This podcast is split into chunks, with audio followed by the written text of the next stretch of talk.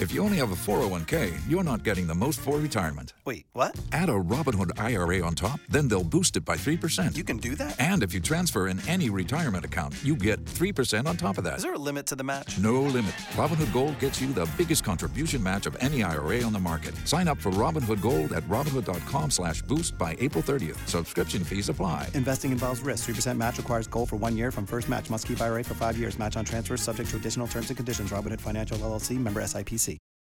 Biz çoxuq. Amma hamımız fərqliyik. Bizi birləşdirən, özümüz üçün əhəmiyyətli başqaları üçün faydalı ola bilmək istəyidir. Sürətlə dəyişən dünyada özümüzü tapmaq, güclü olmaq və sevimli işimizdə özümüzü sübut etmək istəyirik. Bunların yerinə yetməsi üçün isə ən əsas şərt sağlam olmaqdır.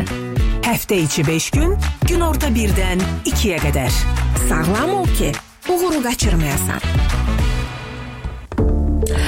Bir anlıq e, düşündüm ki, əslində sağlamlığın müxtəlif assosiasiyaları var. Məsələn, Azərbaycanda biraz e, canda olmaq, kök olmaq da sağlam olmaq e, sayılır və mənə elə gəlir ki, elə artıq çəki ilə bağlı bütün bəlalarımız elə bu cür yanaşmadan irəli gəlir. Salamlayıram hər birinizi. Yaxın 1 saat ərzində mikrofon qarşısında mən Sevda.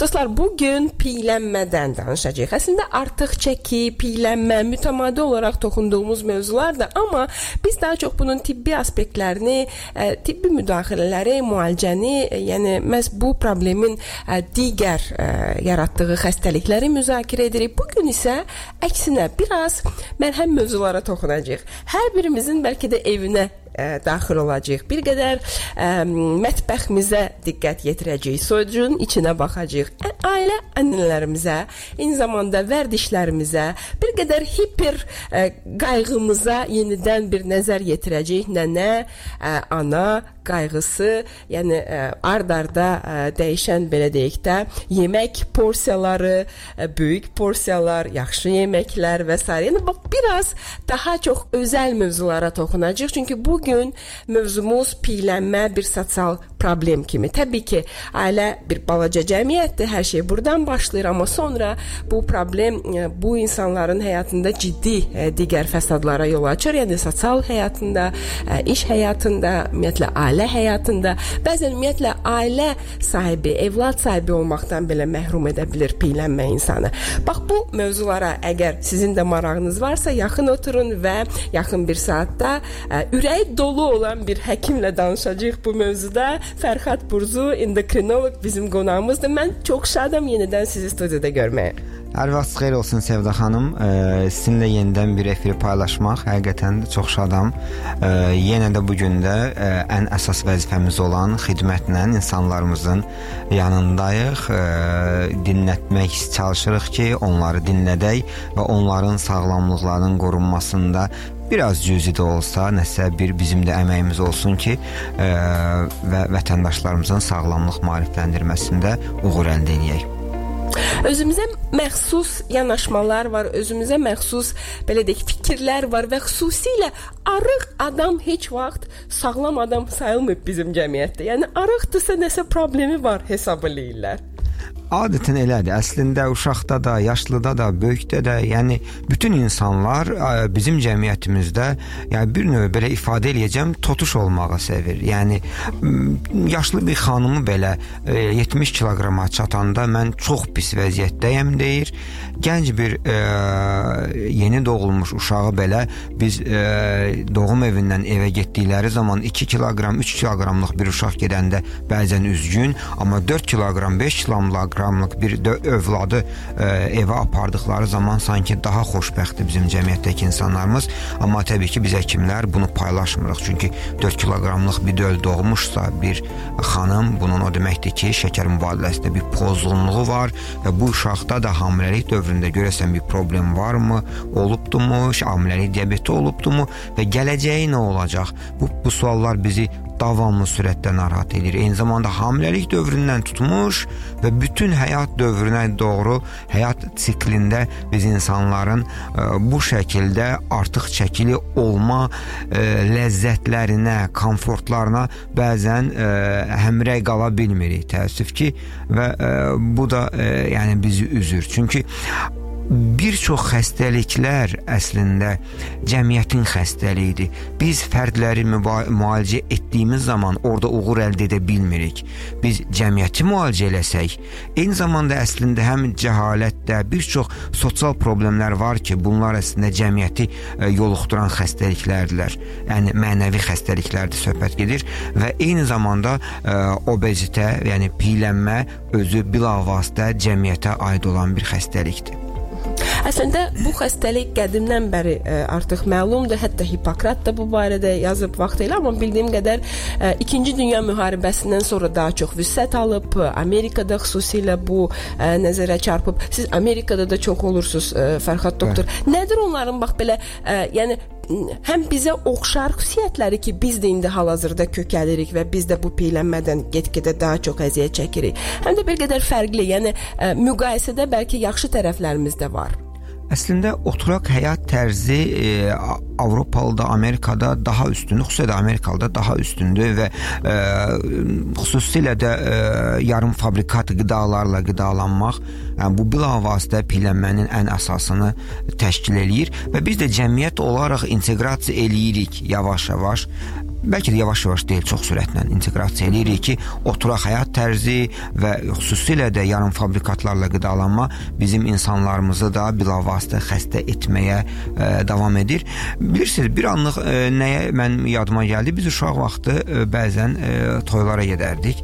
Orda ə, ki olan o vaxtda olan toylarla indiki toyları müqayisə edə bilmərik. Çünki orada 1-2 çeşid yemək var idi, sonra isə sadəcə şənlənmək və oynamaq vardı. Təəssüf ki, hal-hazırdakı bizim rituallarımız Yəni ritual ə, e, pərəstlik bilavasitə ə, e, son illərin məhsuludur. Bu da iqtisadi inkişafın, Avropanın, Amerikanın bizə verdiyi ə, e, müasir dövrün bizə hədiyyə etdiyi bir şeydir ki, bu rituallar bilavasitə bizi ə, artıq çəkiyə, kökəlməyə və passiv həyat tərzinə gətirib çıxardır ki, bu rituallardan ilkin olaraq ə, çıxmaq lazımdır. Bütün kəlmələrdə oturaq, söhbət eləyək, oturaq, yeyək danışaq və oturaq, oturaq, oturaq. Yəni bütün həyatımızın hər mövzusunda oturmaq mövzusu bizim üçün gündəmdədir. Təbii ki, də bu da bizim bilavasitə xəstəliklərimizin yəni piylənmə tək e, artıq çəki demək deyil ki, piylənmə diabetdir, piylənmə hipertenziyadır, təzyiqin qalxmağıdır, piylənmə insultdur, piylənmə infarktdır və oynaq görə problemləridir. Oynaq problemləridir, sümük problemləridir. Uşaqlarda cinsi xərçəngdir. Bu barədə çox az danışılır, amma xərçəng növləri də bildiyim Bəli, qədər piylənmə ilə əlaqələndirir. Eyni zamanda uşaqlarda cinsi inkişaf pozğunluqları, gecikməsi, eyni zamanda boy qısalıqdır. Bütün bunların əslində əsasında piylənmə durur və bunların da ən əsasında həyat tərzi pozğunluğu durur ki, biz həyat tərzimizi sosial faktorlar dəyişməsək, heç bir şəkildə biz bunlara müdaxilə etməyimiz effektiv olmayacaqdır. Fərhad doktor, mən istəyərdim ki, ə, siz çox belə pasiyentlərlə çalışırsınız. Ə, ümumiyyətlə bir pasiyent üzərində dayansaq, konkret bir кейsdən danışsaq, yəni oradakı ə, yaranma səbəblərini müzakirə etsək, müşahidələriniz nədən ibarətdir? Bir ailə ənənəsi, müəyyən o rituallar, ə, qidalanma növü, yemək yemə şəkli bu çox əhəmilidir. Ə, buna çox az ə, diqqət yetirilir. Yeri gəlmişkən ə, xatırlamıram hansı ölkədən bu yaxınlarda bu xəbəri oxudum. Hətta bunu ayrıca müzakirə etmək niyyətim var. Həmin bu artıq çəkilə mübarizə aparanlara bir həkim universitetdə çalışan bir professor məsləhət görüb ki, məsələn, sağ əllə yeyənlər sol ələ keçsinlər, sol xəylər isə sağla yesinlər. Yəni həm yavaş yeyəcəklər, həm yediklərinin fərqində olacaqlar və əslində çox yeməyin qarşısı bununla alınacaq. Demək, e, bu əslində yemək rit ritualına yenə də toxunmuş oluruq Hı -hı. ki, bu adəti biraz pozmalı oluruq. Mən sizə bir nümunə göstərəcəm. Demək, e, bir neçə ay bundan qabaq, e, demək, insulin rezistentliyi ilə əlaqədar bir ailə e, müraciət etmişdi. Nənə, e, qızı və nəvə. 3 pasientdə insulin rezistentliyi ilə əlaqədar qan dəyərlərinə falan baxdıq və e, sizcə e, ən sağlam və ən xəstə kim idi sizcə? ən sağlam və ən xəstə çətindir mənə bu sualı cavablandırmaq çünki tam belə ə, təsəvvürüm yoxdur. Tə görməmişəm və s. Təsəvvür yəni. edin ki, ən sağlam nənə idi, ən xəstə isə nəvə idi. Çünki nəvə nəvaziş içində böyüyüb, hansı ki, nəvə o bütün sıxıntıları, həyat sıxıntılarını valideynlər çəkdirməmək üçün onun istədiyi qidaları onu hər zaman ona verir. Eyni zamanda nənəli bir ailədir. Hər kəs e, uşaqların ən böyük problemi bilirsiniz nədən ibarətdir? Uşaqlardan başlamışkən gəlin deyim. Təəssüf ki, valideynlər e, bəzi hallarda elə bilirlər ki, bizim uşaqlarımız anadan doğulanda öz ağız dadı ilə doğulurlar. Bu belə deyil. Yeni doğulmuş uşaq dünyaya gələndə onun heç bir ağız dadı olmur və gələcək yaşlarda 2 yaşında, 3 yaşında, 5 yaşında böyüdükcə onun hansısa qidanı sevib sevməməsi bu valideynlərin olduğu, valideynlərin hər hansı bir yeməkdə göstərdiyi reaksiya ilə bağlıdır.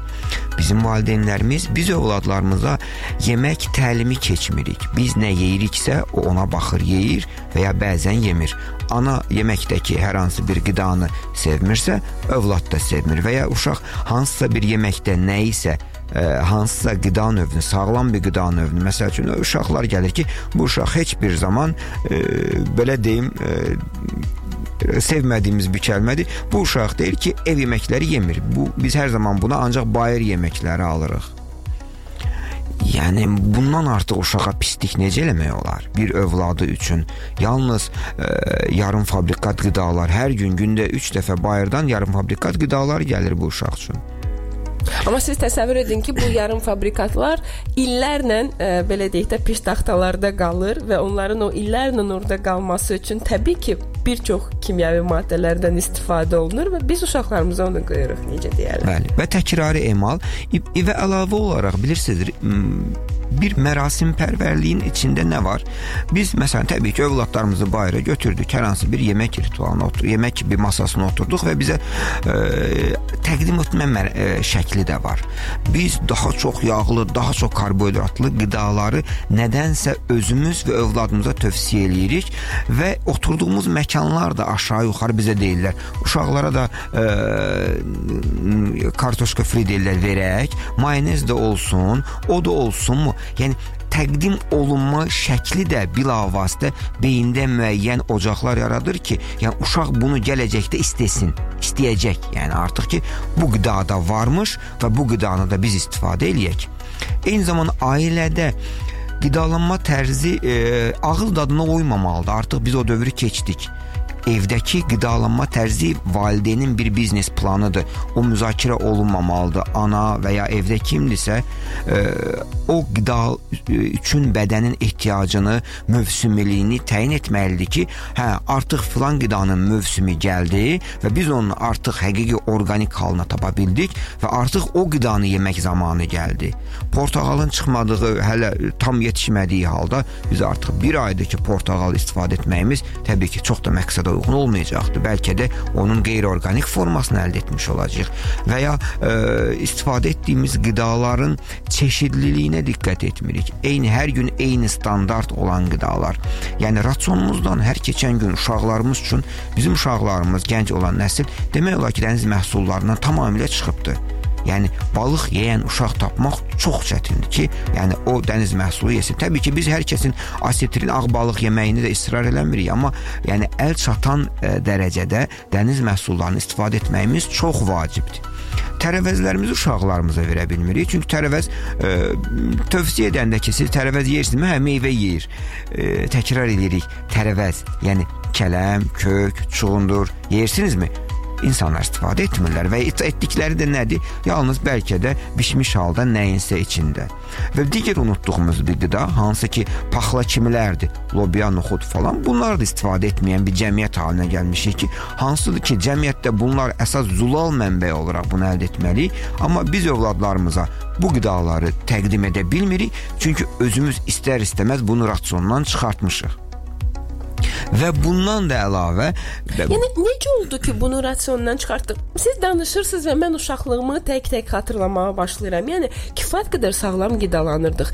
kifayət qədər mövsümünə görə qidalanırdıq. Yəni mənə çox maraqlıdır. Necə olur ki, biz bu ənənələri unuduruq və digər xoşagəlməz, yəni e, daha çox hallara keçid alırıq. Necə bu baş verir? Niyə bu baş verir? Mənə elə gəlir ki, biz e, reklammı və ya bolluqmu buna təsir edir? Yox, mənə elə gəlir ki, biz uşaq vaxtı elə bilirdik ki, bəzi qidalar lüks sayılır, çox varlı yeməkdir, bəzi qidalar kasıb yeməkdir və bizim üçün e, bu saydığımız tərəvəzlər, yaşıllıqlar və e, digər qidalar e, paxla kimlərdən tutmuş biraz da kasıb yeməyi olaraq bəlkə dəyərləndirilirdi və hamı qızartmış ətlər falan istifadə etməyə çalışırdı və e, onlar da əldə olunması daha çətin idi. İndi amma imkan biraz daha əlçatan olubdu bir çox ailələrə və hər kəs düşündürür ki, düşünür ki, bu qidaları yedirtsək övladı daha sağlam olacaq. Təbii ki, e, biz e, uşaqkən mən 45 yaşım var, mən düşünürəm ki, biz e, kiçik olarkən soyutma qidaları daha çox istifadə eləyirdik, nəinki qızartma. Bizim cəmiyyət bu səviyyədə deyildi. Və bir də cəmiyyət kanalizə olunur. İnsanlar yəni sosial mediada baxırsınız, diqqət eləyirsiniz, hamı çox yağlı, çox xolesterinli qidaları reklam eləyir, yemək e, e, xüsusi e, SMM-ləri var ki, hansı ki yemək ə, bişirib paylaşır. Blogerləri Blogerlər, var. Blogerlər, üzr istəyirəm, kəlməni düzgün seçmədim. Yemək blogerləri var ki, təbii ki, bu da cəlbedicidir və sosial şəbəkəni vərəqlədikcə orada orada bol xolesterinli, bol kalorili ə, qidalar reklam olunur və təbii ki, bu da bizim insanlarımızın ziyanınadır. Mən bir, bir dəfə tövsiyə eləmişdim əslində bir yemək bloqerinə ki, yəni siz hər gün bu qədər ə, bol kalorili qidalar tövsiyə edirsiniz. Bəlkə hər 3 bol kalorili, bol yağlı qidanın yanında bir dənə də ə, dietik bir qida tanıtımı. Çünki diyet bir qidanın dietik və ya sağlıqlı, vitaminli, minerallı olması, onun dadsız olması anlamına gəlmir. Bu belə deyil. Yəni bu fikirdə insanları aşılasaz. Çünki insanlar bu məsələdən əziyyət çəkirlər, xəstələnirlər, artıq çəkili olurlar. Uşaqların cinsi yetkinliyi də bir sıxıntı yaşayırıq. Onların qanlarında, yəni təsəvvürsüz gənc nəsil gəldimi, qan dəyərlərinə baxırıq. Qanda ə, aşırı qidalanma və lüzumsuz qidalanma, qeyri-mövsümi qidalanma nəticəsində minerallar düşükdür, saç qabiliyyəti, saç dırnaq dəridə sıxıntılar var, bir çox metabolik pozğunluqlar var. Bu da anormal qidalanmadır. Evdə valideynin, xüsusilə ananın qidalanma ilə əlaqədar bir biznes planının olmaması ilə əlaqədardır. Ana e, rusca bir kəlmə var, что угодить. Xoşuna gəlmək üçün evdəkilərin ən gözəl, ən yağlı, ən kalorili qidaları bişirib evdə xanım olmaq istəyir. Təbii ki, bu hər zaman da doğru deyil. Dəyişməliyik bu yanaşmanı, dəyişməliyik. Dostlar, bu gün piylənmədən və onu sosial problem kimi tanıyırıq. Ümumiyyətlə ə, maraqlıdır. Bir çox ə, ölkələrdə müxtəlif nümunələr var bu problemlə mübarizə üçün. Məsələn, mən Meksikanı daha çox xatırlayıram, çünki ə, son illər çox onlarla bağlı xəbərlər eşidirəm. Hətta, hətta dövlət səviyyəsində təsəvvür edin ki, ə, əhalinin 73% Me Meksikada artıq çəkidən əziyyət çəkir və dövlət səviyyəsində artıq qanunvericilikdə belə dəyişikliklər baş verir və hətta bəzi ştatlarda tutalım 18 yaşına çatmamış uşaqlara fast food və şirniyyat satışı belə qadağandır. Yəni ümumiyyətlə ə, qidalanma təlimatı, qidalanma təlimləri başa düşürük, ailələrdə nələrsə pozulub, yəni ə, müəyyən şeylərə riayət eləmirik. Yəni sağlam qidalanma ə, belə deyək də ə, nədir, mahiyyəti nədir? Bəlkə də bunun artıq ə, belə deyək, fərqində deyilik, biraz bundan uzaqlaşmışıq və ümumiyyətlə bilmirik sağlam qidalanma nədir. Amma ə, məktəblərdə və başqa hansı ə, yollarla bunu aşılamaq, bunu öyrətmək, yəni vaxtında uşaqlara çatdırmaq olar. Fərhad Burzu endokrinoloq bizimlə bərabərdir və piylənməni bu gün onunla müzakirə edirik. Doktor, varmı belə ə, fikirləriniz? Necə bu ə, problemlə mübarizə aparmaq olar? Hansı təkliflər vermək olar? Məsələn, Təhsil Nazirliyinə. Çünki mən bu məktəb məsələlərində, yəni ə, özəl təşəbbüs olaraq bəzi ə, təlimatların keçməsində özüm də iştirak etmişəm. Düzdür, o vaxt ə, bəzi özəl məktəblər bu təlimatları qəbul elədi, amma inanın ki, çox yaxşı bir təcrübə idi. Əslində Səvdə xanım, e, burada vəzifə bilavasitə lap məktəb deyil, bağçadan başlayaq. E, hər bir bağçanın bir tibb işçisi var, təbii ki, o e, bəzi hallarda həkim, bəzi hallarda tibb başçısı. Oradakı olan uşağın günlük rasionu necə ki, məsələn, hərbi xidmətdə günlük rasionu həkimin təsdiqinə ehtiyacı olur. Yəni günlük rasion təbii ki, həkim tərəfindən təsdiq olunmalıdır. Gündəlik pasientlər, məsələn, biz e, bir neçə ildə ki, artıq, yəni e, HDL fondu boy qısalığı ilə əlaqədar e, boy hormonunun təmin olunması ilə əlaqədar göstəriş verdi. Yəni boy qısa olan pasientləri dövlət hesabına bu e, problemlərini həll etməyə başlamışıq və biz endokrinoloqa təyin edib bunu və dövlət qarşılayır bu e, problemi. Təbii ki, bu problemi həll etmədə bizə ən çoxlar kim yardımçı olur? Məktəb həkimləri. Onlar bilavasitə məktəblərdə oxuyan xırda boylu uşaqları tapıb poliklinik müalicəsinə, ondan sonra ə, müayinə poliklinik müayinəyə və eyni zamanda ambulator müayinəyə sövq edirlər. Əslində cəlb eləyirlər və bunun yanında əslində vəzifə olaraq bu ə, mövzunu da vəzifə ə, onlara ə, düşsə ki, sinifdə olan artıq çəkili insanları, yəni bunun üçün nə lazımdır? Boy çəki indeksini təyin etmək, çəkini boyun kvadratına bölmək, daha doğrusu çəkini 2 dəfə boya bölmək zamanı biz alınan rəqəmi 25-dən yüksəkdirsə biz artıq çəkili olaraq dəyərləndiririk. Xüsusilə də valideynlər ə, ə, əgər irsiyyətdə artıq çəkiliyi varsa, burada artıq çəki problemi daha da çox olacaqdır. Burada bir nüans, bir xəstə nümunəsi deyim. Hardasa bir 7-8 il bundan qabaq bir e, gecə vaxtı idi. Zəng gəldik xəstəxanadan çox ağır şəkərli 10 yaşında bir oğlan uşağı gətiriblər. Təcili gəlmək lazımdır. Gəldik. Xəstəyə təyin etdik. Birinci tip şəkər. Birinci tip diabet, bəli. Xəstəni yatırtdıq. Təbii ki, vəziyyətdən çıxdı. Səhər-səhər xəstənin yaxınları e, ilə görüşmək lazımdır e, mən koridora çıxdım, e, baxdım ki, xəstələr toplusu var idi. Soruşdum köməkçidən, tibbasından ki, hansıdır xəstənin yaxınları. E, koridorun sağ tərəfində, sağ cinahının cinahında e, normal çəkili olmayan, hamısı yüksək çəkili olan insanlar durmuşdular. Hardasa bir 15 nəfər, xalalar, bibilər, anası, atası Yəni bu bilavasitə bizə göstərir ki, bu uşağın diabetli olmasının səbəbi ailədəki olan qidalanma tərzidir. Yəni genetik bir yönümlülük də ola bilər. Amma bu əslində sadəcə olaraq bizim cəmiyyətin mən sümüklüyük, bizdə hamı artıq çəkilidir falan filan. Bunlar ümumi olaraq söhbətlərlər. Bunların heç bir əsası yoxdur. Sadəcə olaraq özümüzü ə, necə deyirlər, ə, sakitləşdirmək üçün təskinlik veririk bunu. Təskinlik veririk, bəli. bəli. Təşəkkür edirəm. Və bu da doğru deyil. Yəni ki, biz ə, fərdlərimizi heç bir şəkildə artıq çəkiyə sövq edəcək hallardan ə, dayandırmalıyıq. Heç bir şəkildə qoymamalıyıq ki, onlar öz qidalanma tərzlərini poza bilsinlər və eyni zamanda qidalanma tərzini e, yeni qidalanma tərzinə də e, girməsinlər. Məsələn, bir e, neçə müddət qabaq e, qəhvə ilə əlaqədar bir e, mövzu danışmışdıq. Məsələn, şəhərimizdə bəlkə də bir 10 il bundan qabaq bu qədər qəhvə satan, təbii ki, qəhvənin içməsində bəlkə də bir şey yoxdur. Yəni kofe asılılığı yarana bilər, amma heç kim qəhvəni acı içmir. Orada çoxlu miqdarda şəkər var. Heç kim, yəni bu qədər bəlkə də çayçılar, çayxanalar, çay ə, məkanları yox idi, amma heç kim çayı sadəcə quru içmir. O çay içmək üçün olan aksesuarlar bilavasitə karbohidratlarlar ki, bunlar bilavasitə gələcəkdə sadə şəkərlər və obezitəyə, piyələnməyə səbəb olacaqdır. Piyələnməni e, cəmiyyətin hər addımında e, biz e, dayandırmağımız lazımdır. Yəni bir-birimizə e, şəkər tövsiyə etməməyimiz lazımdır. Şəkər də verəkmi olmaması lazımdır. Biz daha sağlam qida olaraq insanlar bir-birimizə tövsiyə etməli. Sağlamlıq üçün artıq çəkimizi qaldırmamaq üçün boy çəki indeksimizi məktəblərdə təqib etməli və boy çəki indeksi 25-dən olan xüsusilə də çünki bizim üçün vacib olan, ən vacib olan bizim övladlarımızdır. Onların çəkisi artdıqca cinsi inkişafı ləngiyəcək. İkinci cinsi inkişaf formalaşmayacaq.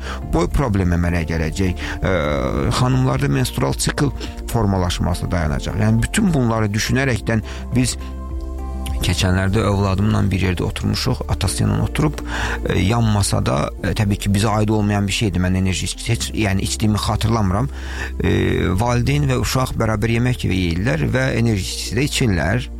E, təbii ki, bizim uşaqlar sual işarəsi altında baxırlar ki, bəs biz niyə içmirik? Və biz yenidən mövzulara başlayırıq ki, bu bu şəkildədir, bu şəkildədir, bu olmaması lazımdır. Kimlərsə yanlış edirsə bu bizə nümunə ola bilməz. Təbii ki, burada ən əsas mövzu da valideynlərə də düşür. Siz övladınızı məktəbə apararkən cəmiyyətdə, yolda, məktəb yeməkxanasında kimlərsə bu qida maddələri, bu alışqanlıqları övladınıza tövsiyə edə bilər. Bunun üçün necə deyilə antidot söhbətlər eləmək lazımdır ki, bax bu ola bilər, sən bununla qarşılaşa biləcəksən, amma bunu özün biləsən ki, bunun dadına baxmaq belə çox da, yəni bu həyatda hər şeyi dadmaq üçün gəlməmişik. Yəni əsas mövqe e, yemək və ya içmək və hər şeyi dadmaq demək deyil. Ona görə də övladımıza eyni zamanda e, məktəbdəki olan həkimlərdən əlavə biz də dəstək olmalıyıq ki, məktəbdə, bağçada, təhsil müəssisələrində maksimum surətdə e, kalorili qidalar olmasın və obez olunmuş, piylənmiş olan xəstələr ayrılsın. Əslində dərd bir digər bir problemdir ki, təəssüf ki, bizim müəssisələrimizdə təhsil müəssisələrimizdə e, alternativ qida da yoxdur. Yalnız şirniyyat, ağ undan olan qidalar e, və ağ çörəkli. Yəni alternativ heç bir şey yoxdur. Kimsə dietik və ya daha az kalorili qida əldə etmək istəsə belə bunu əldə edə bilmir. Yəni əldə olunmasına doktor, ümumiyyətlə bu məktəblinin qidası bilirsiniz, e, valideynlər belə bəzən e, səhər yeməyinə məktəbdən öncə uşağa şokolad, şokoladlı çörək verirlər. Yəni onlar anlamırlar ki, artıq e, çox yaxın bir zamanda nə o təhsil ala biləcək, nə dərsi qavrayacaq və yenidən tamamilə fərqli problemlər baş verəcək. Yəni bu da çox ə, önəmli mövzulardan biridir ki, ə, bilirsiniz biz indi sağlamlıq nöqteyi nəzərdən danışırıq, amma ə, uşaqlarımızın təhsilinə də diqqət yetiririk. Düzdürmü? İstəyirik ki, onlar uğur qazansınlar, yaxşı qiymət alsınlar, sonra yaxşı bir ə, universitetə daxil olsunlar peşə, amma piylənmə həm də ə, təhsilin ə, keyfiyyətinə də mənimsənməsinə də dərslərin və eyni zamanda peşə seçiminə də gələcəkdə mənfi təsir edir. Bunu bilməliyik öncədən. Bəli, yanlış burada əslində bir yanlış tabular da deyim, yanlış bilinən doğrular da var. Səhər-səhər uşaq şirin çay içməklə onun məktəbdə zəkası çox güclü olacaq demək deyil. deyil. Bunun heç bir əlaqəsi yoxdur.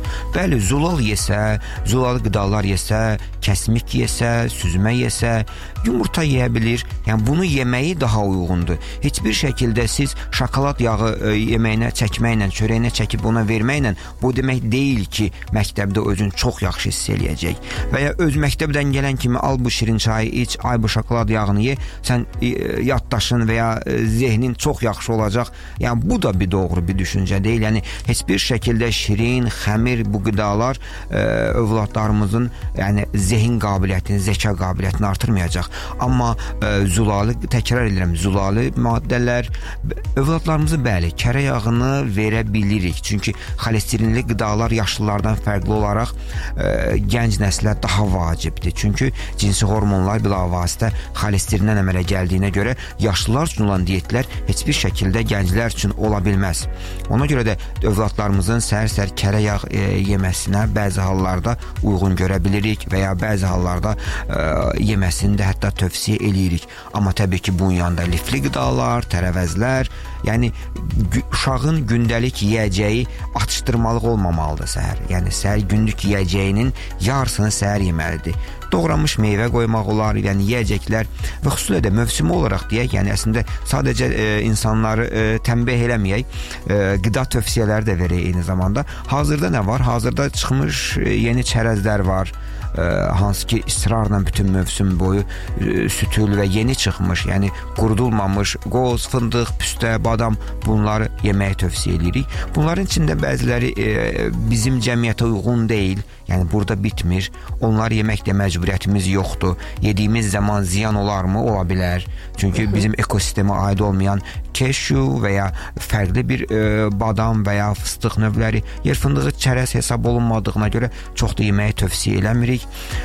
Amma püstələri e, israrla tövsiyə eləyirik ki, yeni çıxmış halda, qovrulmamış halda olan bu çərəzləri israrla indiki dövrdə övladınıza yedirdin. Çünki 2 ay sonra yedirtdiyiniz, qışın oğlan çağında yedirtdiyiniz o çərəzlər çox da effektiv olmayacaqdır. Çünki cəmiyyətin, havanın və hazırki klimatın dövrünə uyğun olaraq, iqlim şəraitinə uyğun olaraqdan qidaları verməyimiz lazımdır.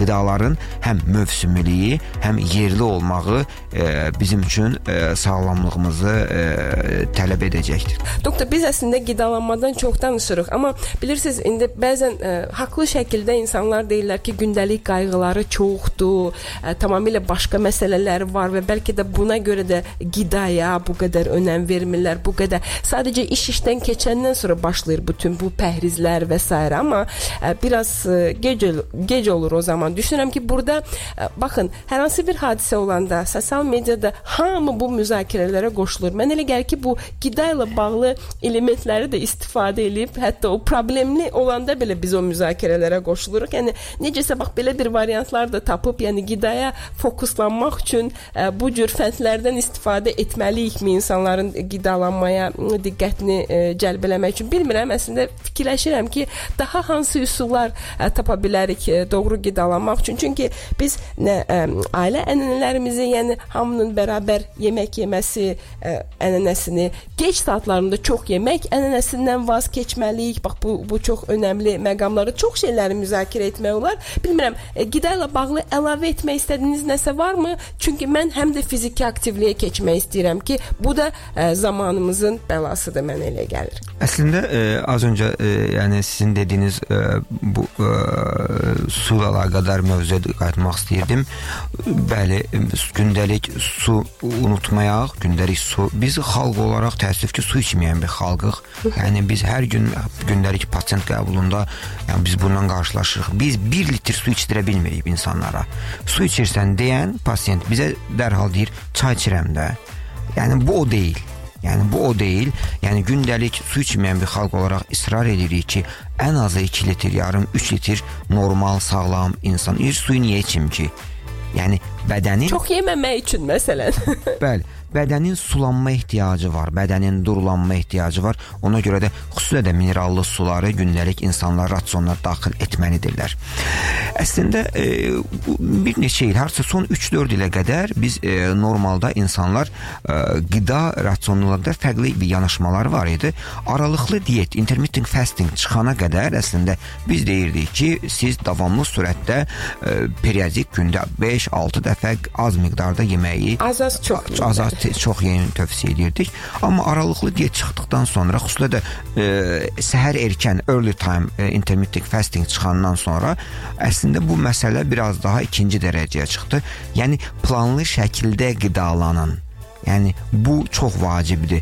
İstər-istəməz bədənin insulyar aparatı e, rejimli qidalanma lehinədir.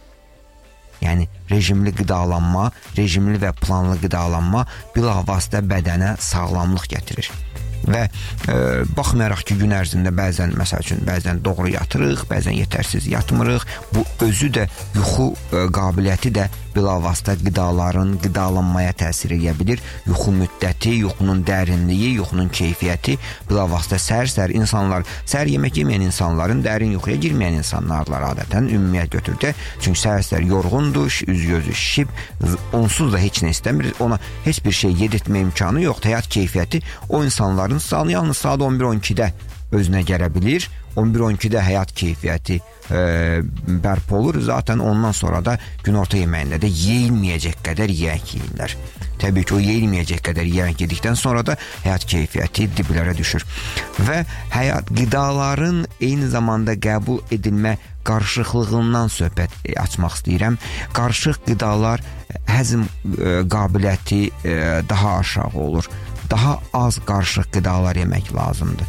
Bəli, fərq bura aiddir. Fərqli pizzalar, fərqli e, necə deyirlər, həftə becər tipli olan qidalar, tərkibi içində hər şey olan, bunlar da eyni zamanda həzm olunma qabiliyyəti aşağı olan qidalardır və bunlardan da biz xeyir görmürük.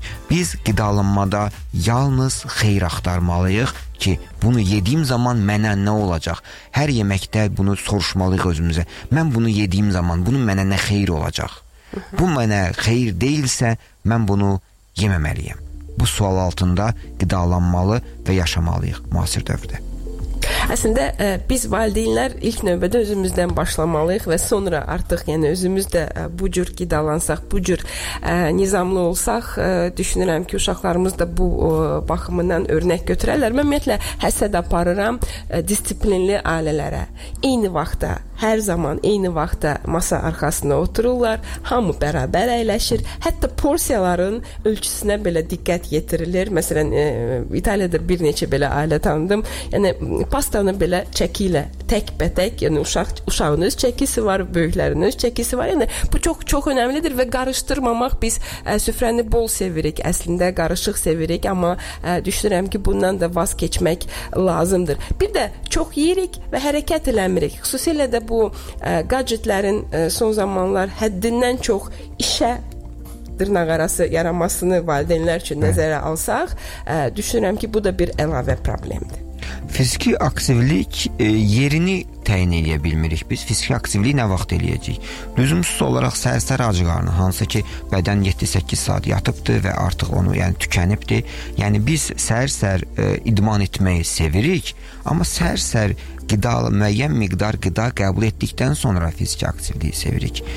Bəli, səhərlər ə, əmək qabiliyyəti daha artıq olur, amma biz ac qarnına fiziki hərəkət etdikdə etdikcə daha daha da zulallı orqanizmimizdəki olan zulallar yandırıb piylənməmizi artırmış oluruq. Əslində e, bilirsiniz, son zamanlar piylənmədən daha vacib olan bir faktor meydana çıxıb bel çevrəsi. Biz normal çəkidə olub bel çevrəmiz yüksək ola bilər ki, bu da bilavasitə ə, bizim piylənmə dərəcəmizi göstərir. Ona görə də sadəcə olaraq çəki deyil, çəkimiz boy çəki indeksi ola bilər 23 olsun, 24 olsun, amma bel çevrəsi yüksək olduğu zaman bu da piylənmiş bir e, pasiyent olaraq dəyərləndirilə bilirik.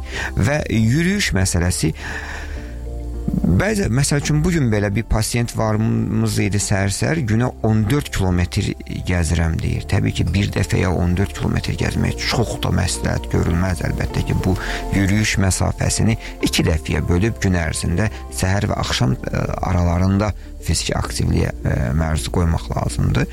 Var fiziki aktivlik, var idman. Bunlar fərqli ə, şeylərdir. Yəni idmanla məşğul olmaq həftədə 2 dəfə, 3 dəfə aktiv idmanla məşğul olmaq tövsiyə oluna bilər. Təbii ki, 1 saatı aşmadan, amma fiziki aktivlik, aktiv həyat tərzi çox vacibdir. Oturaq həyatda işləyən insan, işləyən insanlar e, məsəl üçün mən özüm üçün e, nə istinalar eləmişəm? Lifti həyatımdan çıxartmışam. Yəni demək olar ki, lift minmirəm. Bununla bir şəkildə hərəkət eləyirəm. Yəni hərəkət fiziki əmək qabiliyyətimi bərpa edirəm. E, məcbur olaraq hər kimlənsə görüşdükdən sonra çalışırıq ki, elə bir yerdə görüşək ki, oradan sonra əgər o görüşdə oturmaq mövzusu olarsa, biz e, yürüyüş yeri olsun və onu e, necə deyirlər, qəza olaraq və ya cəza olaraq özümüzə e, rəva görək. Yəni hər kəs öz həyatında pozitivə doğru obezitə əleyhinə e, və piylənmə əleyhinə nəsə bir addım atmalıdır. Atmalıdır ki, gələcəkdə qarşılaşacağı xəstələr, xəstəliklər e, az olsun və bilirsiniz keçən dəfə bir statistikaya baxdım. Azərbaycan e, ürək infarktı ilə əlaqədar e, ilk yerlərdən tutur səhv eləmirəmsə ikinci yerlərdən tutur ki, xüsusilə kişilər daha çox ə, yəni dünya rankinqində ə, ə, ümumi sayda isə ikinci yerlərdən birisini tutur. Bu çox böyük bir rəqəmdir. Yəni biz ə, cəmiyyət olaraq bundan qurtulmağımız lazımdır. Cəmiyyət olaraq ə, piylənmə xəstəliyinin ən qısa müddətdə ə, ən arxa ə, səviyyələri, mərhələlərə keçməsini təmin etməliyik.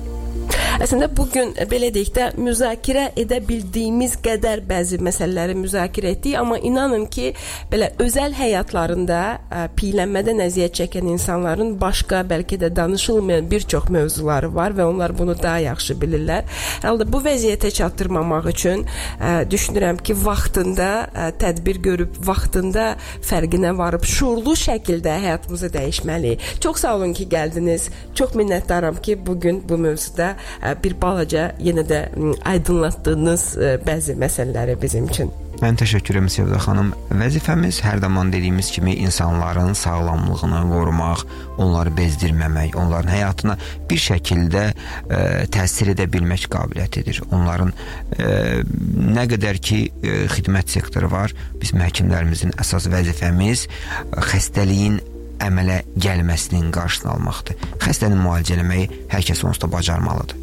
əsas məsələ ə, profilaktikadır. Profilaktika yolu ilə sağlamlığımızı qorumalıyıq ki, insanlara ə, ziyanlı olan vərdişlərdən uzaqlaşdıraq və cəmiyyətimiz ə, sağlam, möhkəm, ə, müasir Azərbaycanda daha xoşbəxt yaşasınlar.